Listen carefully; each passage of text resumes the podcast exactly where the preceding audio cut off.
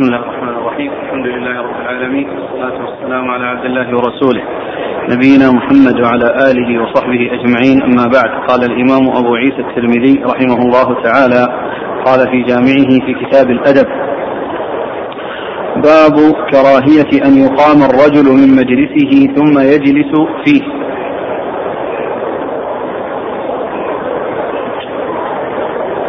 ثم يجلس فيه. قال حدثنا قتيبة قال حدثنا حماد بن زيد عن أيوب عن نافع بن عمر رضي الله عنهما أن رسول الله صلى الله عليه وآله وسلم قال لا يقم أحدكم أخاه من مجلسه ثم يجلس فيه. قال أبو عيسى هذا حديث حسن صحيح. بسم الله الرحمن الرحيم. الحمد لله رب العالمين وصلى الله وسلم وبارك على عبده ورسوله نبينا محمد وعلى آله وأصحابه أجمعين. أما بعد فيقول الإمام أبو عيسى رحمه الله تعالى في جامعه باب لا يقام أحد من مجلسه ثم يجلس فيه. من سبق إلى مكان مباح مشاع لكل أحد أن يجلس فيه كالمساجد كالصف الأول وما يليه فإنه أحق به من غيره. وليس لأحد أن يقيمه ويجلس فيه. وليس لأحد أن يقيمه ويجلس فيه. وأما إذا كان الأماكن خاصة فصاحب المكان له أن يجعل الناس يجلسون فيها على ما يشاء وعلى ما يريد كما جاء في الحديث ولا يجلس في ولا يجلس على تكريمته إلا بإذنه. فإذا كان صاحب المنزل يعني أراد أن يكون الناس في منزله على حسب ما يريد. فإن الجلوس في الأماكن المتقدمة إذا أراد أن تكون لأحد فإنه يجلس في المكان الذي يجلس فيه. ولو كان هناك أماكن أولى منه وفي صدر المجلس خصصها لأحد يعني ينتظر مجيئه فإنه لا بأس بذلك لأن التنظيم تنظيم الإنسان في محله له ذلك ولكن الأماكن المشاعة التي ليس فيها تميز لأحد عن أحد إذا سبق أحد إلى مكان فإنه أحق به أحق به من غيره. فلا يقام أو لا يأتي أحد ويقيمه ويجلس فيه وإنما من سبق إليه فهو أحق به. ثم أورد هذا الحديث عن النبي صلى الله عليه وسلم أنه قال قال لا يقم أحدكم أخاه من مجلسه ثم يجلس لا يقم أحدكم أخاه من مجلسه ثم يجلس فيه. لا يقم أحدكم أحدكم أخاه أي أخاه المسلم من مجلسه ثم يقعد فيه. آه ف يعني معنى ذلك أنه أقامه من أجل أن يختص به ومن أجل أن يكون هو الذي يجلس فيه. بدل ما يكون هذا الذي كان فيه موجودا من قبل يقيمه ثم هو نفسه يكون فيه وسواء كذلك أيضا يعني أقامه لغيره أو لنفسه كل ذلك لا يسوغ ما دام أنه مكان مشترك ومكان مباح وأنه ليس أحد أحق به من أحد فإنه والحالة هذه ليس لأحد أن لمن سبق إليه ليس لأحد أن يقيمه ويجلس فيه لا أن يكون هو ولا أن يكون أيضا أن يجلس غيره. نعم. قال حدثنا قتيبة. قتيبة ثقة أخرج أصحاب كتب الستة. عن حماد بن زيد. ثقة أخرج أصحاب كتب الستة. عن أيوب. ابن أبي ابن أبي تميم الصفياني ثقة أخرج أصحاب كتب الستة. عن نافع. نافع مولى بن عمر ثقة أخرج أصحاب كتب الستة. عن ابن عمر. نعم. قوله كراهية أن يقام الرجل. كراهية. والنبي صلى الله عليه وسلم يقول لا يقيم. آه هذا يحمل على الأقرب شيء والمتبادر للتحريم لأن هذا يكون فيه آه تأثير على النفوس وتغير وتأثر في النفوس.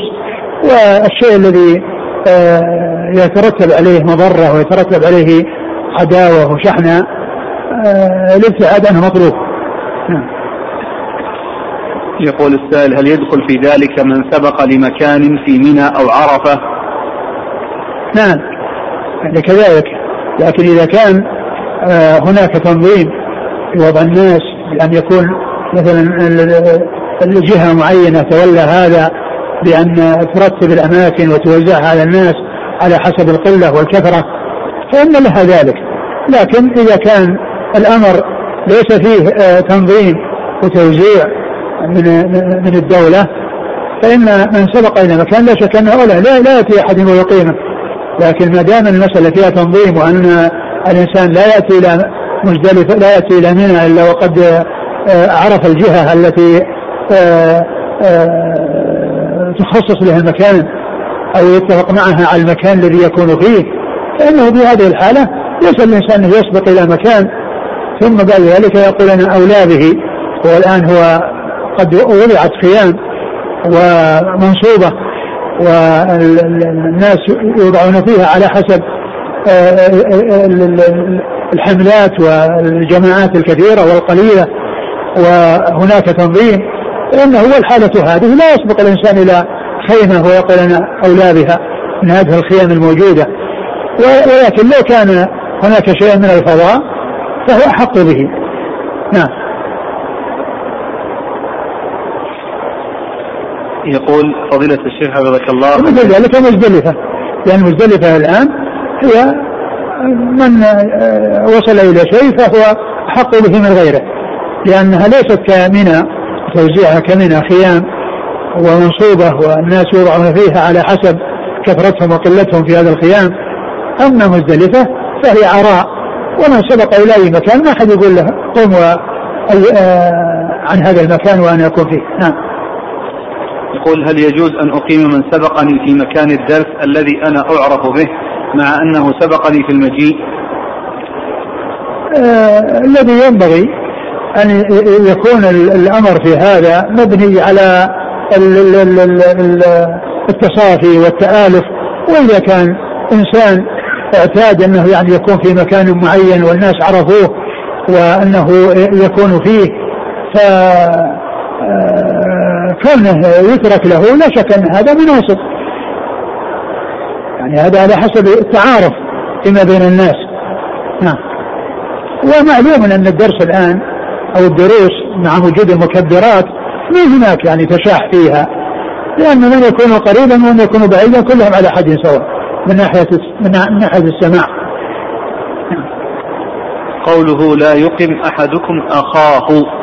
هل له مفهوم فيجوز أن يقام الكافر أو من عنده بدعة كفرية؟ نعم كلمة أخاه تدل على أن أن أن, أن, أن المسلم حق من غيره. وأما بالنسبة يعني للكافر يعني فلا شك أن المسلم أولى منه. ولكن إذا كان سيترتب على ذلك مضرة يعني في في منع ذلك أو إذا كان في بلد فيه خليط من المسلمين والكفار ويترتب على تمييز يعني مضرة ويترتب عليه فتنة فيبتعد عن الفتن. والإنسان يسبق إلى المكان حتى لا يحتاج إلى أن يقيم غيره ممن سبقه ممن لا يستحقه. هو نفسه يسبق إليه. نعم. إذا تقدم الأطفال إلى الصف الأول وكانوا خلف الإمام فهل يقامون من أجل أن نعم يقامون. الصغار الأطفال لا يكون وراء الإمام. الرسول قال ليلني ليلني منكم الأحلام والنهى. ليلني منكم الأحلام والنهى. فإذا جاء صغار وصاروا وراء الإمام فليس لهم الحق وإنما ينبهون. وقال اذهبوا للمكان الفلاني أو سيروا في المكان الفلاني. يدربون من قبل حتى حتى حتى لا يحصل إقامتهم. هم في الأصل يوجهون إلى أنهم ما يجلسون في هذا المكان. قال حدثنا الحسن بن علي قال أخبرنا عبد الرزاق قال أخبرنا معمر عن الزهري عن سالم عن ابن عمر رضي الله عنهما أنه قال قال رسول الله صلى الله عليه وعلى آله وسلم لا يقم أحدكم أخاه من مجلسه ثم يجلس فيه قال أبو عيسى هذا حديث صحيح قال وكان الرجل يقوم لابن عمر فلا يجلس فيه قال أبو عيسى هذا حديث صحيح وهذا مثل الذي قبله وفيه زيادة أن ابن عمر كان إذا قام له أحد لا يجلس فيه. يعني ليس من ذلك أنه لا يجوز أن يجلس فيه. ما دام صاحبه هو الذي أقام هو الذي قام وهو الذي أراد إكرامه فله أن يجلس. ولكن ابن عمر يعني يفعل ذلك تورعا رضي الله عنه وأرضاه. لا أنه لا يجوز. فالانسان إذا يعني آه، ما أقام غيره ولكن غيره ممن هو دونه أراد أن يكرمه وطلب منه أن يأتي فإنه له أن يأتي. وليس بذلك حرام وإنما الحرام الذي لا يجوز هو أن يقيم. يأتي ويقول قم ثم يجلس مكانه. أما أن يكون صاحب المكان يقوم مكانه ويقول آه اجلس في هذا المكان وهذا في الأماكن التي لا قرب فيها. وأما القرب فلا يصح الإيثار فيها. إنسان في الصف الأول يتأخر عنه ويقول واحد تعال تقدم. لا لا لا, لا يصلح. لا يصلح أن يؤثر غيره في الشيء الذي سبق إليه سبق إليه وفيه فضيلة. وفيه قربة إلى الله عز وجل. لكن في الأماكن العامة والأماكن التي ليست آه، فيها قرب مثل الصف الأول آه، نعم إذا قام إنسان من مجلس وقال تفضل اجلس في هذا المكان فله أن يجلس. وفعل ابن عمر. فعل ابن عمر تورع يعني كونه ما أراد يعني لا يعني لا يريد حتى يعود الناس على أنهم ما يقومون من مجالسهم. وفعل ذلك تورع ليس لأنه لا يجوز لأنه ما أقامه وإنما هو الذي قام بنفسه يريد أن يكرمه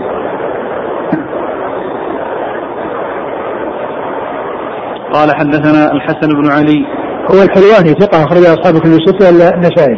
عن عبد الرزاق بن همام الصنعاني ثقة أخرج أصحاب كتب الستة. عن معمر وهو ثقة أخرج أصحاب كتب الستة. عن الزهري محمد بن مسلم عبد الله ثقة أخرج أصحاب كتب الستة. عن سالم سالم بن عبد الله بن عمر آه، آه، وهو ثقة أخرج أصحاب كتب الستة. عن ابن عمر نعم. تقديم الوالد في القرب هل يجوز؟ الأصل أن القرب لا يقدم فيها أحد على أحد لا والد ولا غيره فإذا سبق إلى مكان فإنه يبقى في مكانه إذا سبق للصف الأول يبقى للصف الأول ولا يقوم لغيره قال رحمه الله تعالى باب ما جاء إذا قام الرجل من مجلسه ثم رجع إليه فهو أحق به. قال حدثنا قتيبة قال حدثنا خالد بن عبد الله الواسطي عن عمرو بن يحيى عن محمد بن يحيى بن حبان عن عمه واسع بن حبان. عن وهب بن حذيفة رضي الله عنه أن رسول الله صلى الله عليه وعلى آله وسلم قال الرجل أحق بمجلسه وإن خرج لحاجته ثم عاد فهو أحق بمجلسه.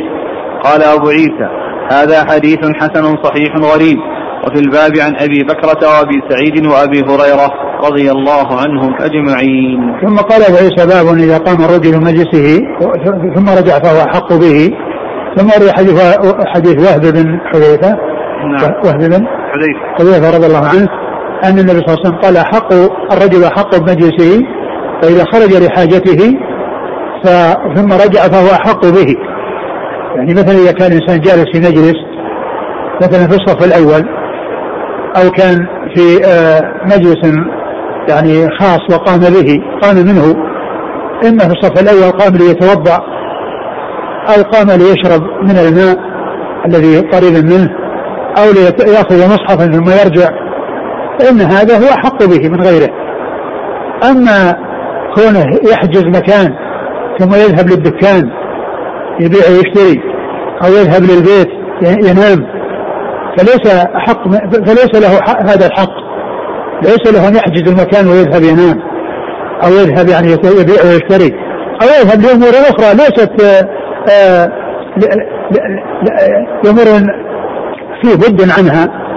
يعني أما الشيء لا بد عنه مثل لا بد من مثل الوضوء فهذا شيء لا بد منه. وكونه يعني شيء يسير يعني يذهب لياتي بمصحف أو يأتي ل... هذا لا بأس به. وأما كونه يذهب ليحضر حلقة علم ويحجز المكان فليس له ذلك. وكذلك كونه يذهب لينام أو يبيع أو يشتري أو ليتصرف أو ليحصل منه أعمال أخرى فإنه ليس له أن يحجز هذا المكان. ليس له أن يحجز هذا المكان لكن الحج يكون لأمر يقتضيه. إما لا بد منه أو لشيء يسير مثل إحضار مصحف أو إحضار آه، أو شرب وما إلى ذلك. فإذا قام فهو أحق رجع ثم أحق به. وكذلك إذا كانوا جالسين في مجلس ثم جاء واحد يعني استقبلوه. أو قام واحد ليستقبل إنسان فإنه أو قام ليقضي حاجته. فإنه إذا رجع أحق بهذا المكان الذي هو فيه. أحق به من غيره. ولا غضاضة على الذي جاء لأنه هذا مكان قد سبق إليه. هذا شيء قد سبق إليه. الحديث يدل على أن من قام من مجلسه لحاجته وطبعا هي الحاجة التي آه، لا بد منها فإنه أحق به من غيره. أما إذا كانت الحاجات أخرى حاجات يعني لا يناسب حج المكان بسببها فإنه ليس أحق من غيره بل غيره يكون أولى منه. لكن إذا كان يترتب على ذلك فتنة وخصام وإيذاء وتصرف يعني ينبغي أن يتكلم مع صاحب المكان الذي يحجه ويذهب حتى لا يحصل التشويش وحتى لا يحصل الإيذاء وأن يعلم أو يعلم بأن الاستحقاق إنما يكون في بعض الأمور مثل مثل آه، الوضوء ومثل آه، أخذ المصحف وما إلى ذلك. أما كل إنسان يذهب ويبيع ويشتري أو يذهب ينام أو يذهب له يعني لحاجات أخرى لا يستحق أن يحجز مكان من أجلها. فليس له الحج ثم يأتي ويشغل الناس يعني بأن يقوم من مكانه بأن يضع سجاده ويقول أنا هذا المكان لي. لأن هذا يترتب عليه أن كل واحد في جميع الأوقات مكانه محجوز في جميع الصلوات. والسجادة جالسة طول الليل والنهار. نعم.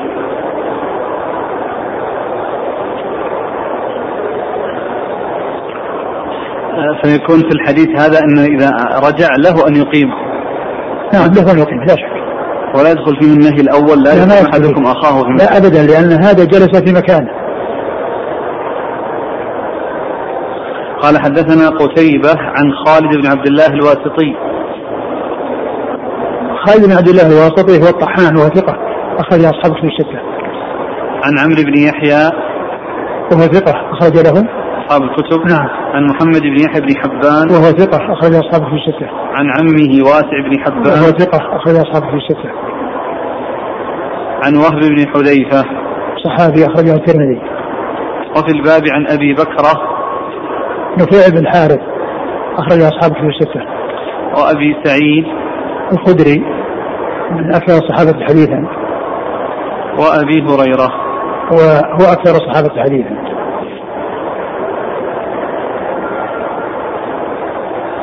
يقول إذا حجز المكان ثم غلبه النوم فذهب لينام في المسجد ثم يرجع إلى الصف. هل هذا جائز؟ لا ليس له ذلك.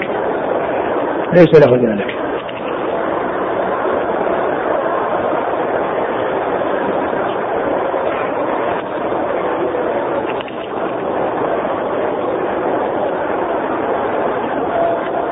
قال رحمه الله تعالى باب ما جاء في كراهية الجلوس بين الرجلين بغير إذنهما. قال حدثنا سويد. قال أخبرنا عبد الله. قال أخبرنا أسامة بن زيد. قال حدثني عمرو بن شعيب عن أبيه عن عبد الله بن عمرو رضي الله عنهما أن رسول الله صلى الله عليه وعلى آله وسلم قال لا يحل للرجل أن يفرق بين اثنين إلا بإذنهما. قال أبو عيسى هذا حديث حسن صحيح وقد رواه عامر الأحول عن عمرو بن شعيب أيضا. ثم أبو عيسى كراهية أن, أن, أن يجلس بين اثنين إلا بإذنهما أو يفرق بين اثنين إلا بإذنهما. إذا كان مجلس فيه اثنين آه، يتحدثان أو بينهما يعني آه، آه، أشياء خاصة يتحدثان بها ثم يأتي واحد ويجلس بينهما بدون إذنهما ويفصل أو ينهي ذلك الذي هما بحاجة إلى استمراره ومواصلته فإن ذلك فيه إيذاء لهما ولكنه يستأذن فإن أذنوا له جلس وإلا أفسحوا له صار بجوار واحد منهم إذا كان هناك مجال لأنه حتى يكون المتحادث المتحادثان مع بعضهما لأنه هو المقصود أن يجلس. لا أن يجلس في مكان خاص يفرق بين اثنين. فإذا كان هناك مجال للجلوس فإنه آه يمكن أن آه يفسحوا له المجال ويجلس ليس بينهما بل بجوار أحدهما حتى يكون هذان المتحادثان يتحدثان فيما بينهما. لأن مثل هذا العمل إذا جاء إنسان بدون استئذان ثم جلس وأقحم نفسه بينهما فإنه آه، آه، يحصل لهما أذى بذلك لأنهما منسجمان في حديث وعندهم أمورهم بحاجة إلى الحديث عنها ثم يأتي ويقطع يعني هذا الحديث ويقطع هذا الحديث بينهما. من الآداب التي جاء بها الإسلام هو أن المتحادثين آه، لا يجلس بينهما إلا بإذنهما لا يجلس بينهما إلا بإذنهما. وعند الحاجة يمكن أن يستأذن وإن أذنوا له أن يجلس وإلا قرب بعضهم من بعض قرب أحدهما من الآخر أي المتحادثان وجعله يجلس في مكان بجوار أحدهما من دون أن يقطع ما بينهما من الانسجام والحديث قال حدثنا سويد سويد بن نصر ثقة أخرج الترمذي والنسائي. عن عبد الله بن المبارك ثقة أخرج أصحاب الكتب الستة. عن أسامة بن زيد وهو صدوق يهم أخرج له. قال تعليقا مسلم وأصحاب السنن. نعم. عن عمرو بن شعيب عمرو بن شعيب صدوق أخرجه البخاري في جزء القراءة وأصحاب السنن. عن أبيه وأبوه كذلك صدوق أخرجه البخاري في رفع اليدين في الأدب المفرد ورفع اليدين وأصحاب السنن. الأدب المفرد الأدب المفرد. الذي يقال في جزء القراءة نعم. عن عبد الله بن عمرو. عن عبد الله بن عمرو رضي الله تعالى عنهما وحديث أخرجه أصحابه الستة وهذا فيه التنصيص على أن الجد أن الجد الذي يأتي ذكره في بعض الروايات أنه عبد الله بن عمرو. لأن كثير الروايات عن أبيه عن جده. عن أبيه عن جده. والجد الذي يكون فيه الاتصال هو أن يكون عبد الله بن عمرو الذي هو جد شعيب. الذي هو جد شعيب وهو جد أيضا عمرو بن شعيب. ففي بعض الروايات يأتي التنصيص على بيان الجد. والحفيد سمع من الجد الذي هو شعيب روى عن جده عبد الله بن عمرو. فإذا عن أبيه عن جده رواية ابن عن أب وحفيد عن جد. ابن عن أب عمرو بن شعيب يروي عن شعيب. عمرو يروي عن شعيب اللي هو أبوه. وشعيب يروي عن عبد الله بن عمرو الذي هو جده. فيكون رواية أب ابن عن ابن ورواية حفيد عن جد. والحديث أو هذه الطريقة التي معنا فيها بيان الذي يروي يروي عن شعيب وأنه جده عبد الله بن عمرو. لأنه لو رجع الضمير في عن أبيه عن جده جده رجع إلى إلى إلى ال ال إلى عمر. يعني يكون معنى ذلك أن يكون فيه انقطاع لأن يعني شعيبا لأن محمد الذي هو جد الذي هو أبو شعيب يعني تابعي ليس يعني صحابي فيكون مرسلا. لكن الحديث جاءت في بيان أن الجد هو عبد الله وعمر وشعيب سمع من جده عبد الله فيكون على هذا متصل. وإذا كان الإسناد إلى عمرو بن شعيب يعني صحيحا فإنه يكون من قبيل الحسن لأن عمرو بن شعيب روايته آه هو صدوق وروايته من قبيل الحسن. ورواه عامر الأحول عن عمرو بن شعيب. هو ثقة. صدوق يخطئ. صدوق أخرجه خرج القراءة ومسلم وأصحاب السنة. نعم. التفريق خاص بين الجالسين. أما مثلا كما يقول السائل لو اثنان يتحدثان في الطريق قائمين ثم جاء أحد فمر من بينهما. والله إذا كان المكان مزدحم إذا كان المكان مزدحم المرة ما يؤثر لأن ما ي...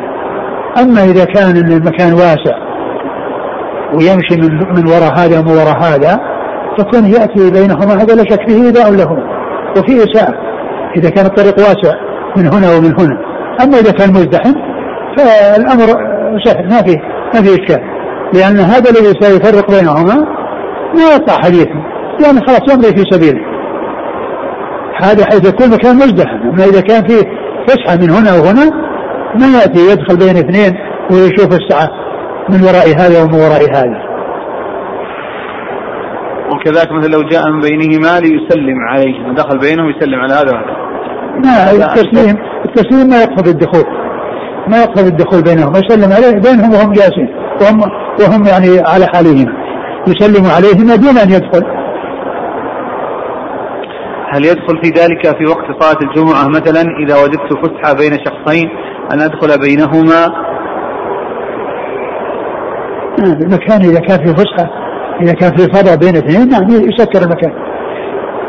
إذا كان في فضاء بين اثنين يسكر المكان والمتحادثين هذا طبعا في غير المسجد، المسجد ما في ما ما ليس مجال للحديث.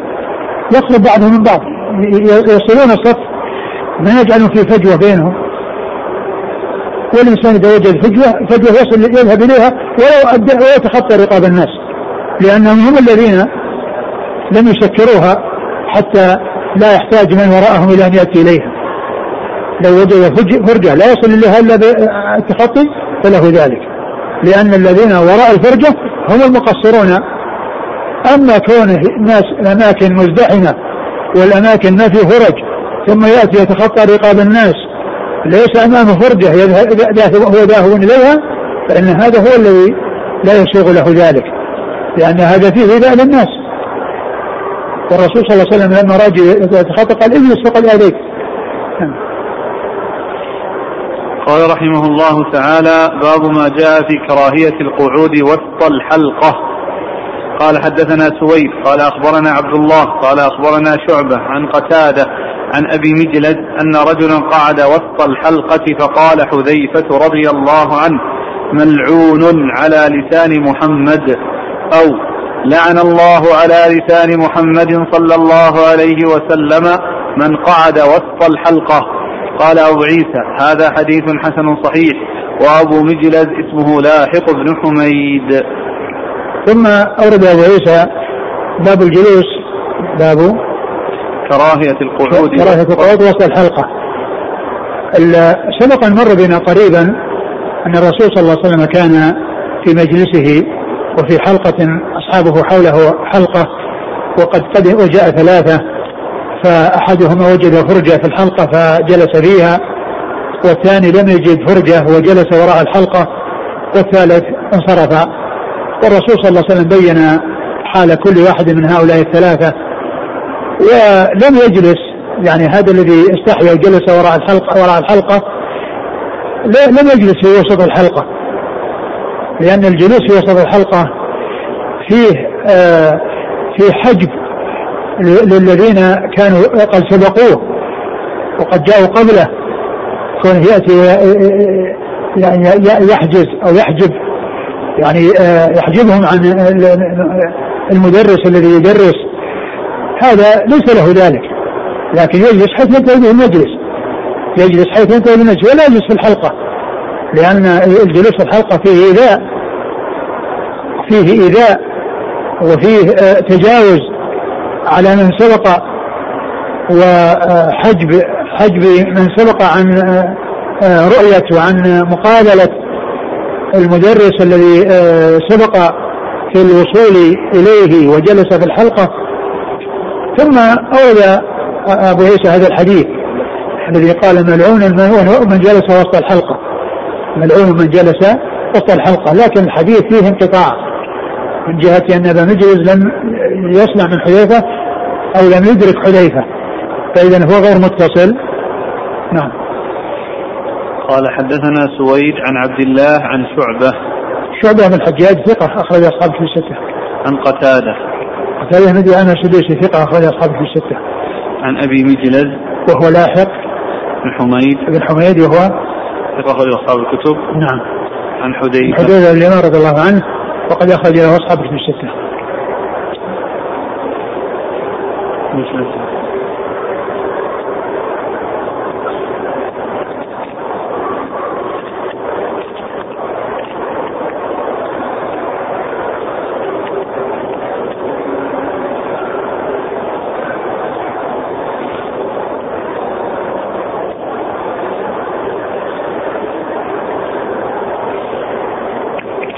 يقول إذا كان ليس على وجه الجلوس يعني الاستمرار وإنما جلس لحاجة كأن يصب الشاي أو القهوة ويدور بها على الجالسين.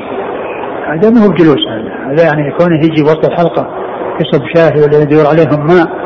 هذا شيء لا بأس به لأنه شيء طارئ.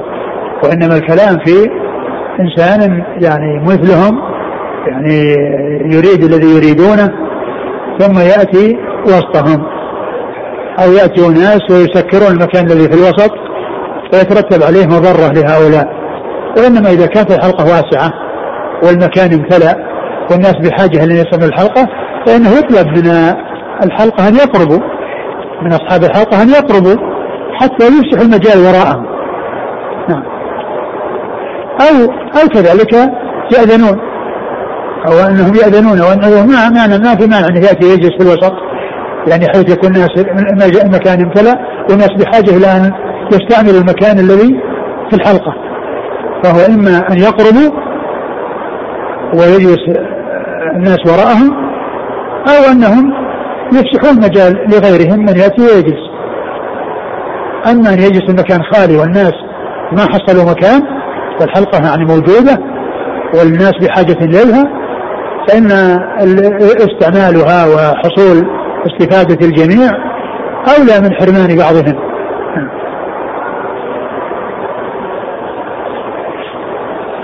قال رحمه الله تعالى باب ما جاء في كراهية قيام الرجل للرجل. قال حدثنا عبد الله بن عبد الرحمن. قال أخبرنا عفان. قال أخبرنا حماد بن سلمة عن حميد عن أنس رضي الله عنه. قال لم يكن شخص أحب إليهم من رسول الله صلى الله عليه وآله وسلم. قال وكانوا إذا رأوه لم يقوموا لما يعلمون من كراهيته لذلك. قال أبو عيسى هذا حديث حسن صحيح غريب من هذا الوجه. ثم قال أبو عيسى باب في كراهية قيام الرجل للرجل. قيام الرجل للرجل. آه قيام الرجل للرجل إذا كان على وجه التعظيم يعني قام له قياما ثم جلوسا من أجل التعظيم فهذا هو الذي لا يجوز وهو الذي يدل عليه الحديث. أما إذا قام إلى الرجل ليصافحه أو ليعانقه أو ليصحبه أو ليمشي معه يعني بحيث يرافقه استقبله ثم يريد أن يرافقه في الدخول فإن ذلك لا بأس به لأنه قيام إليه وليس قيام له. لأن القيام إلى الرجل غير القيام للرجل. القيام المذموم هو الذي يكون على سبيل التعظيم. قيام جلوس من أجل فلان دخل. الناس يقومون ثم يجلسون فقط ما في سلام ولا في مصافحة ولا في يعني افتاح مجال ولا افتاح مكان. هذا هو الذي لا يجوز. فأما إذا كان القيام إليه بأن قام إليه ليعانقه أو ليصافحه أو ليستقبله ويرافقه في الدخول فإن هذا لا بأس به ولا مانع منه وإنما الممنوع هو القيام له. إذا هناك قيام له وقيام إليه. فالقيام له لا يجوز والقيام إليه جائز ولا مانع منه وقوله في هذا الحديث أنهم ما كان أحد إليهم أحب من رسول صلى الله عليه وسلم وما, وما كانوا يقومون له. يعني المقصود بذلك أنهم ما كانوا يقومون قيام جلوس. قيام ثم جلوس. أما لو قام أحد ليصافحه أو ليسلم عليه أو يعني ليستقبله ويدخل معه مع يعني غيره هذا لا بأس به. وهذا يسمى قيام إليه. فالقيام إليه جائز والقيام له هو الذي لا يجوز. وهناك مسألة أخرى ثالثة وهي القيام عليه. القيام على رأسه هو جالس والناس واقفين على رأسه. هذا جاء فيه ما يدل على المنع وما يدل على الجواز. الذي يدل على المنع أن الرسول صلى الله عليه وسلم لما صلى وهو آه، قد سقط من فرس وصلى الناس بصلاته قياما أشار إليهم أن يجلسوا وقال بعد أن فرغ من الصلاة كدتم أن تفعلوا فعل فارس والروم يقومون على رأس ملوكهم وهم جلوس. فهذا يدل على أن مثل ذلك لا يجوز. لكنه جاء آه، في في صلح الحديبية كان رسول الله صلى الله عليه وسلم جالس وكان المغيرة بن شعبة واقف على رأسه ومعه السيف. واقف على رأسه ومعه السيف.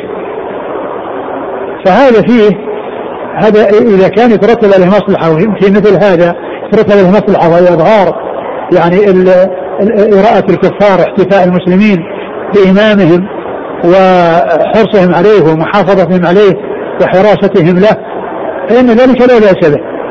لأن الرسول صلى الله عليه وسلم أقر المغيرة بن شعبة على هذا العمل وعلى هذا الفعل كان واقفا على رأسه ومعه السيف. فهذا قيام على الرجل. يعني يجوز في بعض في بعض الأحيان مثل هذه الصورة ولا يجوز إذا كان ليس هناك حاجة تدعو إليه وهو الذي جاء في أن النبي صلى الله عليه وسلم قال كدت من تفعل فعل فارس والروم يقومون على رأس ملوكهم وهم جلوس إذا مسألة القيام له ثلاث حالات قيام له وقيام إليه وقيام عليه. فالقيام له لا يجوز والقيام إليه جائز والقيام عليه فيه تفصيل. نعم. قال عن أنس لم يكن شخص أحب اليهم من رسول الله صلى الله عليه وسلم قال وكانوا إذا رأوه لم يقوموا لما يعلمون من كراهيته لذلك. نعم يعني ما يقومون اللي هو القيام للاحترام والإكرام. قيام وقوف أن كونهم يعني أحد يقوم إليه ليستقبله أو ليصافحه أو ليحدثه أو لحاجه هذا لا بأس له. وإنما الكلام هو القيام الذي هو قيام له ليس إليه. نعم.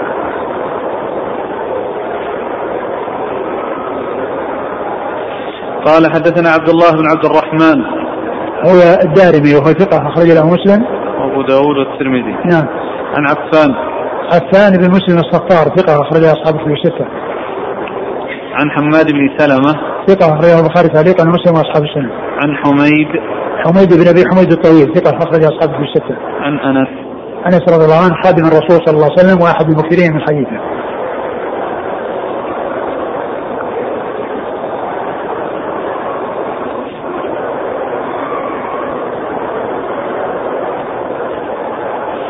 يقول اليوم هناك من الناس إذا دخل عليك ولم تقم إليه ربما نظر إليك نظرة ليست حسنة فماذا ترون لدفع هذه التهمة أو الظن؟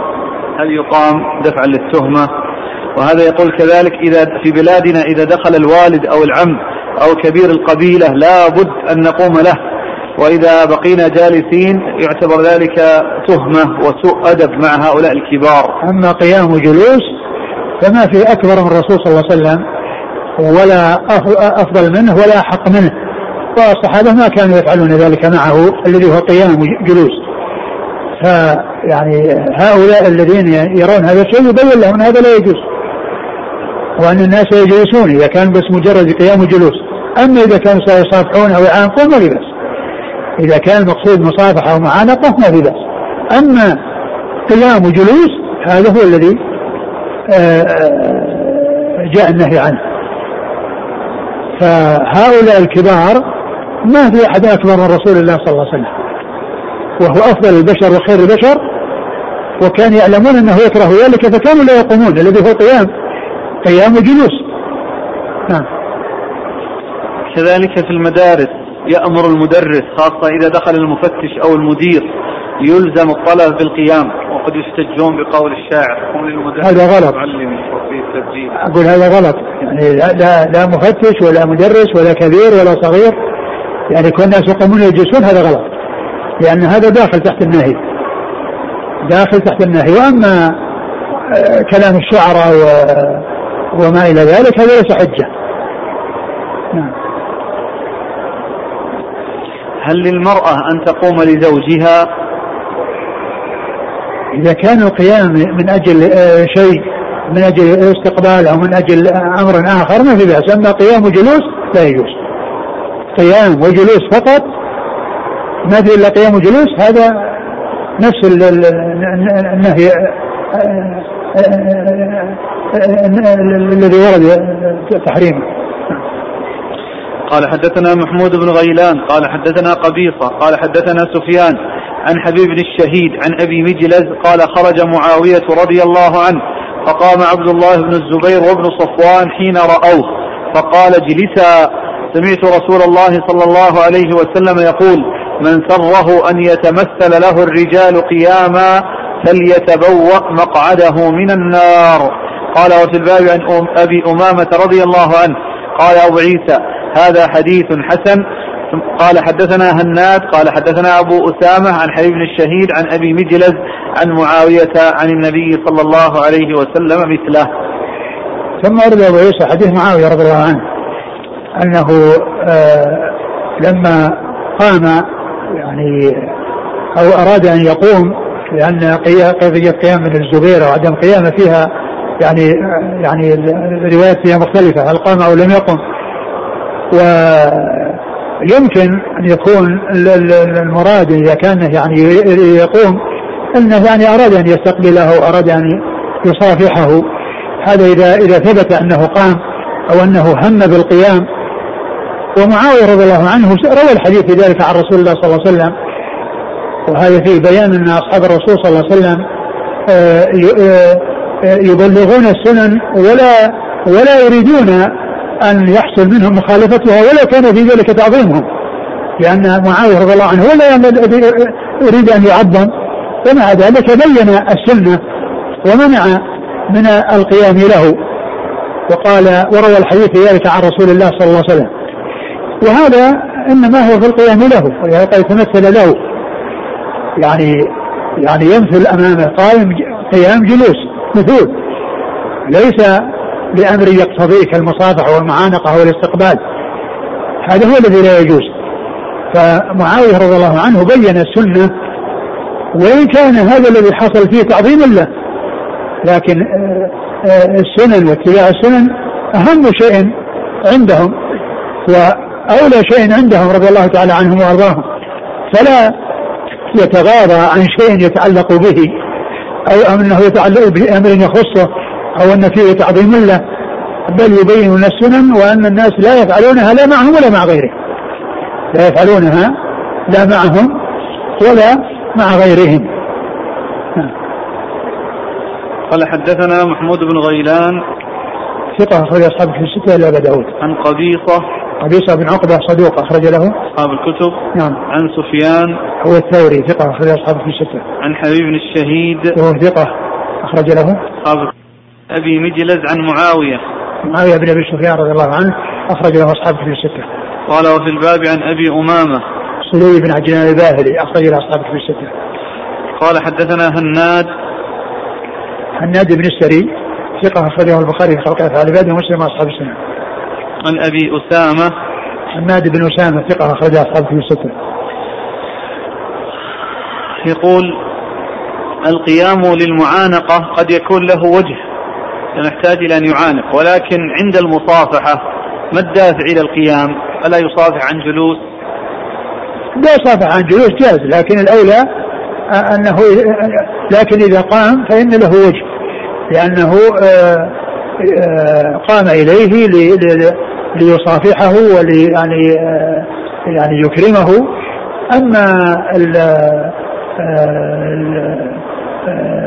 الذي لا يجوز القيام له كون قيام. ما يقوم بصافحه أي مانع يمنع من هذا؟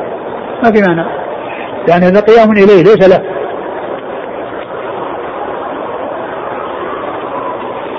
هل يقام للمرأة الكبيرة التي ليست من المحارم من أجل السلام فقط وليس المصافحة؟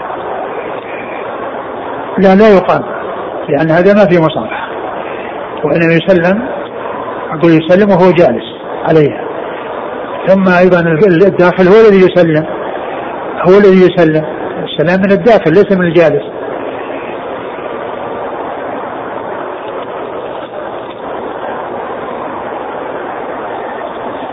حديث قوموا إلى سيدكم. هذا هذا قيام إليه آه، لإنزاله. ومرافقته. وهذا آه، آه، وكان مريضا رضي الله عنه وأرضاه. فالرسول أمر بأن يقوموا إليه يعني لينزلوه كما جاء في بعض الروايات. قوموا إليه فأنزلوه. لكن القيام يعني إلى الرجل من أجل مصافحته ومعانقته هذا إكرام له ولا يقال إنه قيام له وإنما هو قيام إليه. قال رحمه الله تعالى باب ما جاء في تقليم الأظفار. قال حدثنا الحسن بن علي الخلال وغير واحد قالوا حدثنا عبد الرزاق قال أخبرنا معمر عن الزهري عن سعيد بن المسيب عن أبي هريرة رضي الله عنه أنه قال قال رسول الله صلى الله عليه وعلى آله وسلم خمس من الفطرة الاستحداد والختان وقص الشارب ونتف الإبط وتقليم الأظفار قال أبو عيسى هذا حديث حسن صحيح. ثم أورد أبو عيسى باب تقليم قلم الأظهار. تقليم. تقليم الأظهار. تقليم الأظهار من الأمور التي فيها النظافة وفيها آه، التخلص من المرأة الكريه. يعني حيث تطول الأظهار فإنه منظر سيء. ثم أيضا مع طولها يتجمع تحتها أوساخ يترتب عليها مضرة لا سيما إذا الإنسان أكل في يده وفي تحت أظفاره شيء من الأوساخ وذهب مع الطعام فإنه يكون في ذلك مضرة. فجاءت السنة بتقليم الأظفار بل إن هذا من خصال الفطرة وأن هذا من من الأشياء التي آه، آه، توارثه الناس وموجودا في الأمم السابقة. ثم أورد هذا الحديث أن النبي صلى الله عليه وسلم قال خمس من الفطرة ال الاستحداد الاستحداد وهو حلق العانة. يعني حلق العانة وهو إزالتها بالحديدة أي الموسى. إزالتها بالحديدة أي الموسى. الاستحداد وهذا فيه نظافة. هذا من النظافة. نعم. والختان. والختان كذلك لأن فيه تترتب عليه الطهارة فيه النظافة ترتب عليه الطهارة بالنسبة للمكلف. فإن إذا كانت الغلفة موجودة فإن البول يخرج من الذكر ويبقى خارج الذكر في داخل هذه الغلفة. لكن إذا أزيلت هذه الغلفة وبقيت الحشفة مكشوفة فإنه يحصل الاستنجاء ويذهب ذلك الذي خرج وزال الخارج بخلاف ما إذا كانت الختان لم يحصل فإن البول يخرج من الذكر ويبقى شيء منه داخل هذا الغلاف الذي يغطي الحشفة. فإزالته فيه النظافة وفيه الطهارة. نعم. وقص الشارب.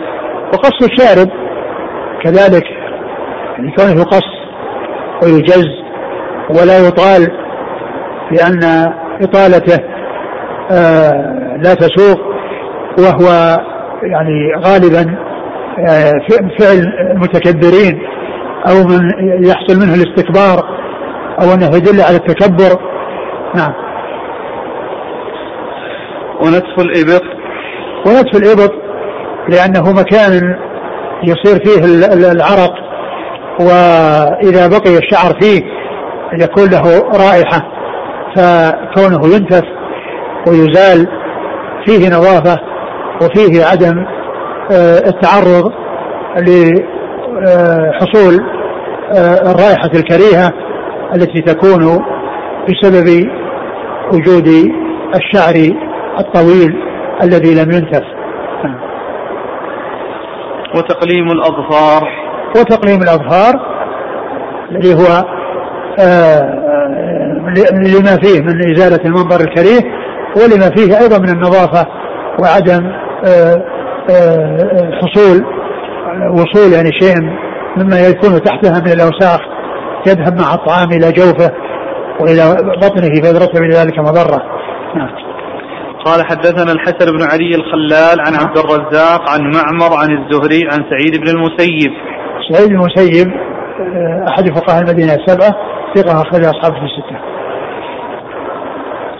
حكم هذه الأشياء؟ فيها منها ما هو يعني منه ما هو لازم لا بد منه. مثل آه، الختان فإن هذا يترتب عليه الطهارة. و وكذلك آه، يعني الأشياء الأخرى الأمور الأخرى لا شك أنها مطلوبة ولهذا الرسول صلى الله عليه وسلم وقت يعني وقت إنه ما يزيد عليه. يعني مثل يعني ازاله الشعر يعني لا يترك أكثر من 40 يوما. فهذا يدل على أن إزالته أنها مطلوبة. ولا شك أنها متفاوتة. ليست كلها على حد سواء. فالختان يعني آه، أهم من غيره وأعظم من غيره. لأن يترتب عليه الطهارة وحصول الطهارة وعدم الطهارة. الختان بالنسبة للبنات قال يعني بعض أهل العلم إنه مستحب وليس بواجب لأنه ما يترتب عليه طهارة مثل الرجل. آه، حلق العانة. يقول الأخ هل تبدأ من تحت السرة أو فقط الشعر الذي يحيط؟ بالقبل وهل يلحق به بما يحيط بالدبر؟ نعم كل هذا كل هذا يزال. يعني ما يحيط بالدبر وما يحيط بالذكر كل ذلك من الشعر الذي آه، مطلوب إزالته من أجل النظافة والبعد عن آه، تعلق الأوساخ بالشعر. وهل يكون حلقا لابد أو يكون بطريقة أخرى؟ وكذلك نتف الحلق أولى الحلق أولى وكذلك النتف اذا حصل. بهذا لا, لا بأس و وكذلك القص كل ذلك آه، يحصل به المقصود ولكن إزالته يعني من أصله بالموس أو بالنتف يعني بشيء يعني يزيله يعني حيث لا يترتب على ذلك مضرة المهم أن يزال وهل هذا الأمر يعني يستوي فيه الرجال والنساء؟ نعم يستوي فيه الرجال والنساء.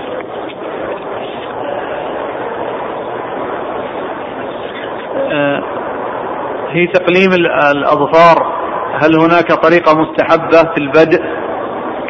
ما نعلم دليل يعني يدل على الترتيب أو ترتيب معين. على أن يكون ترتيب معين لا نعلم دليل.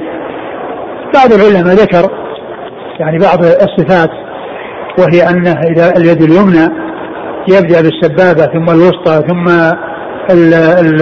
البنصر ثم الخنصر ثم يرجع للإبهام. وأما اليد اليسرى فإنه يبدأ بالخنصر ثم ينتهي للإبهام. هذا قاله بعض أهل العلم وقد ذكره الشارح. وهناك طريقة أخرى ذكرها بعض العلماء وهي أن اليمنى آه، ترتب ترتيبا خاصا واليسرى ترتب ترتيبا خاصا. فاليمنى آه، يبدأ فيها بالخنصر ثم الوسطى ثم الإبهام. ثم البنصر ثم السبابة. واليسرى يبدأ فيها بالإبهام ثم الوسطى ثم الخنصر ثم السبابة ثم البنصر ويذكرون ترتيبها بالحروف. يعني الحروف مرتبة هكذا. يقول فترتيب يمناها بلفظ خوابس فترتيب يمناها بلفظ خوابس وترتيب يسراها بلفظ أوخسد بلفظ أوخسد يعني خوابس يعني الخنصر ثم الواو للوسطى ثم الألف للإبهام ثم ترجع للباء البنصر ثم السبابة هي الأخيرة. واليسرى أوخسب الهمزة للإبهام ثم الواو للوسطى ثم ال ال أوخ وخسب يعني نعم ثم يرجع للسبابة ثم لل وخسب للإبهام ثم الوسطى وخسب ثم الوسطى ثم السبابة ثم البنصر ثم وخسب وخسب الهمزة للإبهام ثم الواو للوسطى وحسب ثم نعم الخنصر ثم السين للسبابة ثم الباء للبنصر نعم. فترتيب يمناها بلفظ خوابس وترتيب يسراها بلفظ أو خسب هكذا ذكر بعض الفقهاء. لكن ما هناك دليل؟ الإنسان ليس يعني ملزما بطريقة معينة لأنه ما جاء شيء يعني في ذلك.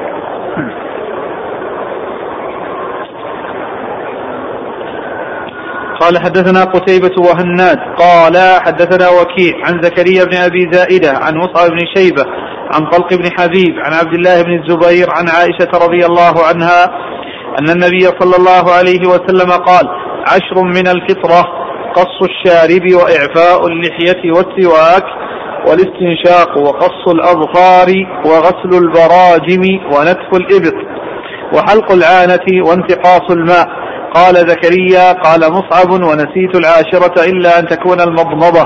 قال أبو عبيد انتقاص الماء الاستنجاء بالماء. وفي الباب عن عمار بن ياسر وابن عمر وأبي هريرة رضي الله عنهم قال أبو عيسى هذا حديث حسن. ثم يروي هذا الحديث عشر من الفطرة وهي أول قص الشارب. قص الشارب وهذا مرة نعم. وإعفاء اللحية. وإعفاء اللحية وهذا لم يمر في الحديث السابق. وإعفاء اللحية جاء في أحاديث يعني كثيرة تدل على توفيرها وعدم التعرض لها. قال جاء وفروها وجاء أرخوها وجاء جاء أعفوها. نعم وكل هذه أوامر.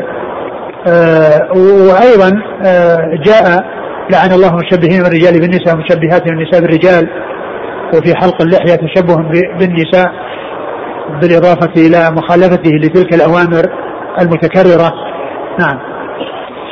والسواك؟ والسواك لأن فيه تنظيف للفم. نعم. وتطهير له وتطيب له. نعم. والاستنشاق؟ والاستنشاق لأن فيه تنظيف للأنف. نعم. وغص وقص الأظفار؟ وقص الأظفار تقدم في اللي قبله وغسل البراجم. وغسل البراجم هي داخل ال ال داخل ال ال المنعطفات الأصابع يعني المنحنى من الداخل هذا قال له البراجم. نعم. ونتف الإبط. ونتف الإبط نعم مرة. وحلق العانة. وحلق العانة أيضا مرة. وانتقاص الماء. وانتقاص الماء الذي هو الاستنجاء يعني عند قضاء الحاجة. نعم. قال زكريا قال مصعب ونسيت العاشرة إلا أن تكون المضمضة. إلا أن تكون المضمضة يعني مع الاستنشاق. كمان الاستنشاق لتنظيف الأنف فهذا في تنظيف الفم. نعم. قال حدثنا قتيبة وهناد نعم. عن وكيع. وكيع بن الجراح ثقة أخرج أصحابه في الستة. عن زكريا بن أبي زائدة. ثقة أخرج أصحابه في الستة. عن مصعب بن شيبة. وهو لين حديث أخرج له. مسلم وأصحاب السنن. نعم. وعن طلق بن حبيب.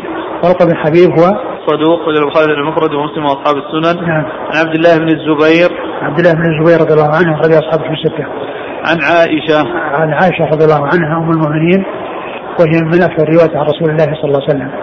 والحديث رواه مسلم ويعني له شواهد يعني بعضه له شواهد في الأحاديث الأخرى. والمصنف أشار إلى بعض الصحابة الذين رووا يعني ذلك. نعم وفي الباب عن عمار بن ياسر. أخرج أصحاب كتب الستة. وابن عمر وأبو هريرة. نعم.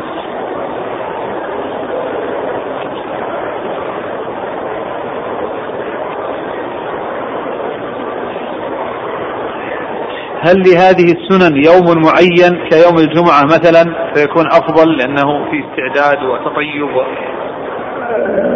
لا يقال أنها يعني خاصة يعني في وقت معين الإنسان يستعد يعني على في, في أوقات كثيرة وتقليم الاظفار يعني كما هو معلوم لكن كونها آه،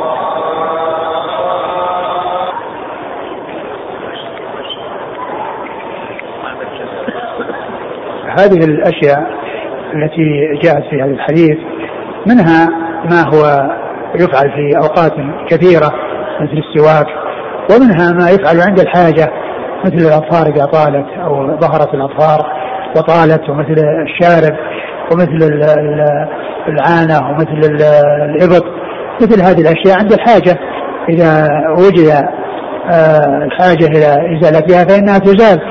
وإذا كان الإنسان مثلا في يوم الجمعة آه، وهو الناس يتهيئون ويتطيبون ويتجملون ومن التجمل إذا كان كانت أظفاره طويلة أنه يزيلها في ذلك الوقت لا شك أن هذا من الجمال ومن أحسن الجمال. لأن الجمال يعني كما يكون يعني في اللباس أيضا يكون في في الهيئة ويكون في, في الأظفار إذا كانت أنها قد طالت يحتاج إلى إزالة فيزوله نعم. يقول هل هناك أماكن مخصصة لتقليم الأظفار؟ وهل تدفن بعد قصها؟ ما أعلم شيء.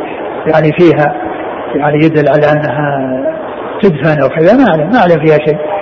يعني آه، البخاري ذكر في صحيحه يعني نقلا عن في أثر من الآثار أن آه، أن الشعر الذي يحلق من الرؤوس في في منى قال إنهم كانوا يتخذون منه الحبال.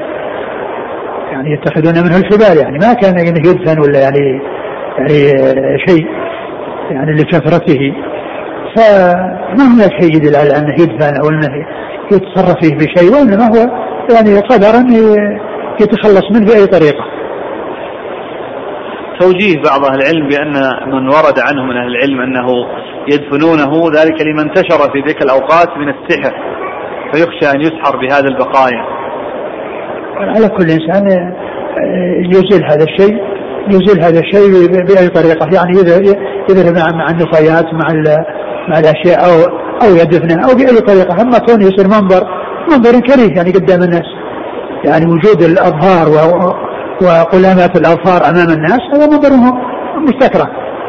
لكنها تزال. أما تذهب مع النفايات أو آه، تدفن أو يتخلص منها بأي طريقة. أما كونها تبقى مكشوفة هكذا يعني هذا مناظر سيئة. استمر. باب التوقيت في تقليب الأظفار وأخذ الشارب. والله تعالى أعلم وصلى الله وسلم وبارك على نبينا ورسوله نبينا محمد وعلى آله وصحبه أجمعين. جزاكم الله خيرا وبارك الله فيكم، ألهمكم الله الصواب ووفقكم للحق ونفعنا الله ما قلتم. آمين.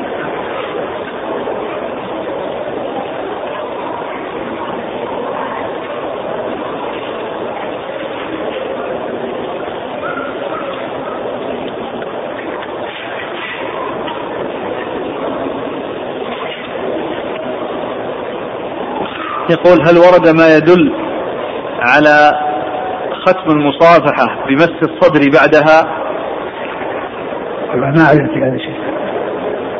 أقول لا أعلم شيء يدل على هذا. عندنا إمام المسجد يصف الأطفال في صف مستقل وراء المسجد وراء المصلين وبين صف الأطفال وصف الكبار فراغ عدة صفوف. فهل هذا العمل صحيح؟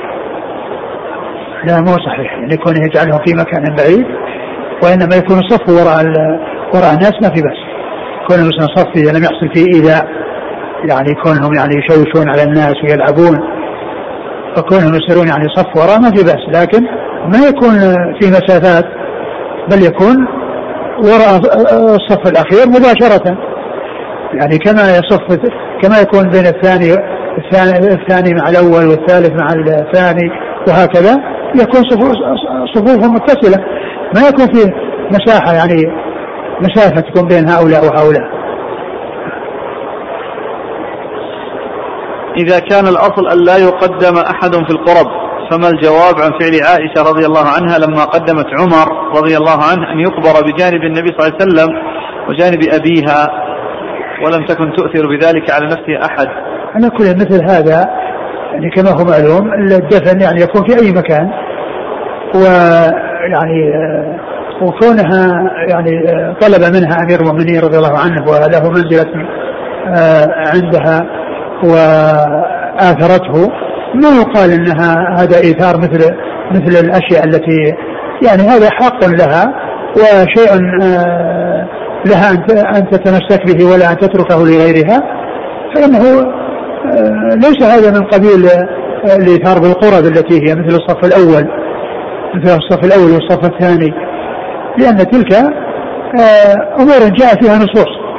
أما الدفن بجوار الرسول صلى الله عليه وسلم لا شك أن هذا حرص عليه أبو بكر وحرص عليه عمر رضي الله عنه وعائشة رضي الله عنها كانت حريصة ولكنها آثرت عمر رضي الله عنه وأرضاه بشيء يعني يخصها وشيء مما يتعلق ب بمجاورة هذا الرسول صلى الله عليه وسلم وكونها ملازمة له أحبت أن تكون بجواره كما كانت معه في حياته تكون معه في البرزخ بجواره. لكن آه، لا يقال إن هذا دليل على أن أنه يجوز الإيثار بالقرب وأن الذي في الصف الأول يتأخر ويقدم غيره. لأن مثل هذا هذا ليس مماثل هذا. هذا ليس مثل هذا لأن هذا جاء فيه نص على أن الصف الأول يكون فيه وأما بالنسبة لمجاورة الرسول صلى الله عليه وسلم لا شك أن هذا شيء يحرص عليه الصحابة ومن كان آه، له حق كعائشة رضي الله عنه وتنازلت عن حقها فهو تنازل عن حقها ولكن لا يقال انه دليل على أن القرب آه، آه، يتنازل عنها. يقول امرأة في بطنها ولد مريض واختلف الأطباء في إمكانية حياته فقال الطبيب الأول لو أخرجناه في الشهر السابع لكانت إمكانية حياة الحياة كبيرة ولو ترك إلى التاسع لعله يموت. وقال الطبيب الثاني لا بأس بتركه إلى الشهر التاسع هو إمكانية الحياة ممكنة. فما العمل؟ أه تركه. أقول لا شك أن تركه يعني ما دام أنه, أنه فيه احتمال السلامة فالأصل يبقى ما كان على ما كان. ولا يخرج قبل وقته قد يترتب على ذلك مضرة. يقول بالنسبة للشخص الذي حجز مكان وذهب قريبا ليرجع إليه مثلا في المسجد إذا كانت قد أقيمت الصلاة فهل يبقى المكان له لا حق أو لا ما يبقى. إذا أقيمت الصلاة خلاص ما ما تبقى الأماكن محجوزة بل لازم من وصل الصفوف ولازم من من تساوي الصفوف. هذا الكلام كله قبل أن تقام الصلاة. أما إذا قام الصلاة فلا بد من من وصل الصفوف. يقول ذكر بعضهم أنه إذا حكى الله سبحانه في القرآن كلام أحد من الناس كقوله كقول إبراهيم رب اجعلني مقيم الصلاة فإنه لا يجوز أن يقال قال الله على لسان إبراهيم لأنه يوهم أن القرآن ليس من كلام الله. هل هذا الكلام صحيح؟ آه كونه يعني حكى الله قال الله عن إبراهيم. آه آه هذا لا شك هو كلام الله ولكن كلام إبراهيم هو بلغته. إبراهيم تكلم باللغة بلغته. وأما بهذا اللغة العربية بهذا الكلام العربي فهو كلام الله عز وجل. حكى فيه كلام إبراهيم الذي كان في لغته. يعني إبراهيم ما يتكلم باللغة العربية. يتكلم بلغته كما قال الله عز وجل وما أرسلنا من رسول إلا بلسان قومه. فكل رسول صلى الله بلسان قومه. وما جاء في القرآن من أخبار عن الأمم السابقة ليس كلامهم باللغة العربية وإنما هو كلامهم باللغة العربية والله تعالى تكلم حاكيا كلامهم باللغة العربية. وأما كلمة اللسان فقد جاء في بعض في كلام العلماء يعني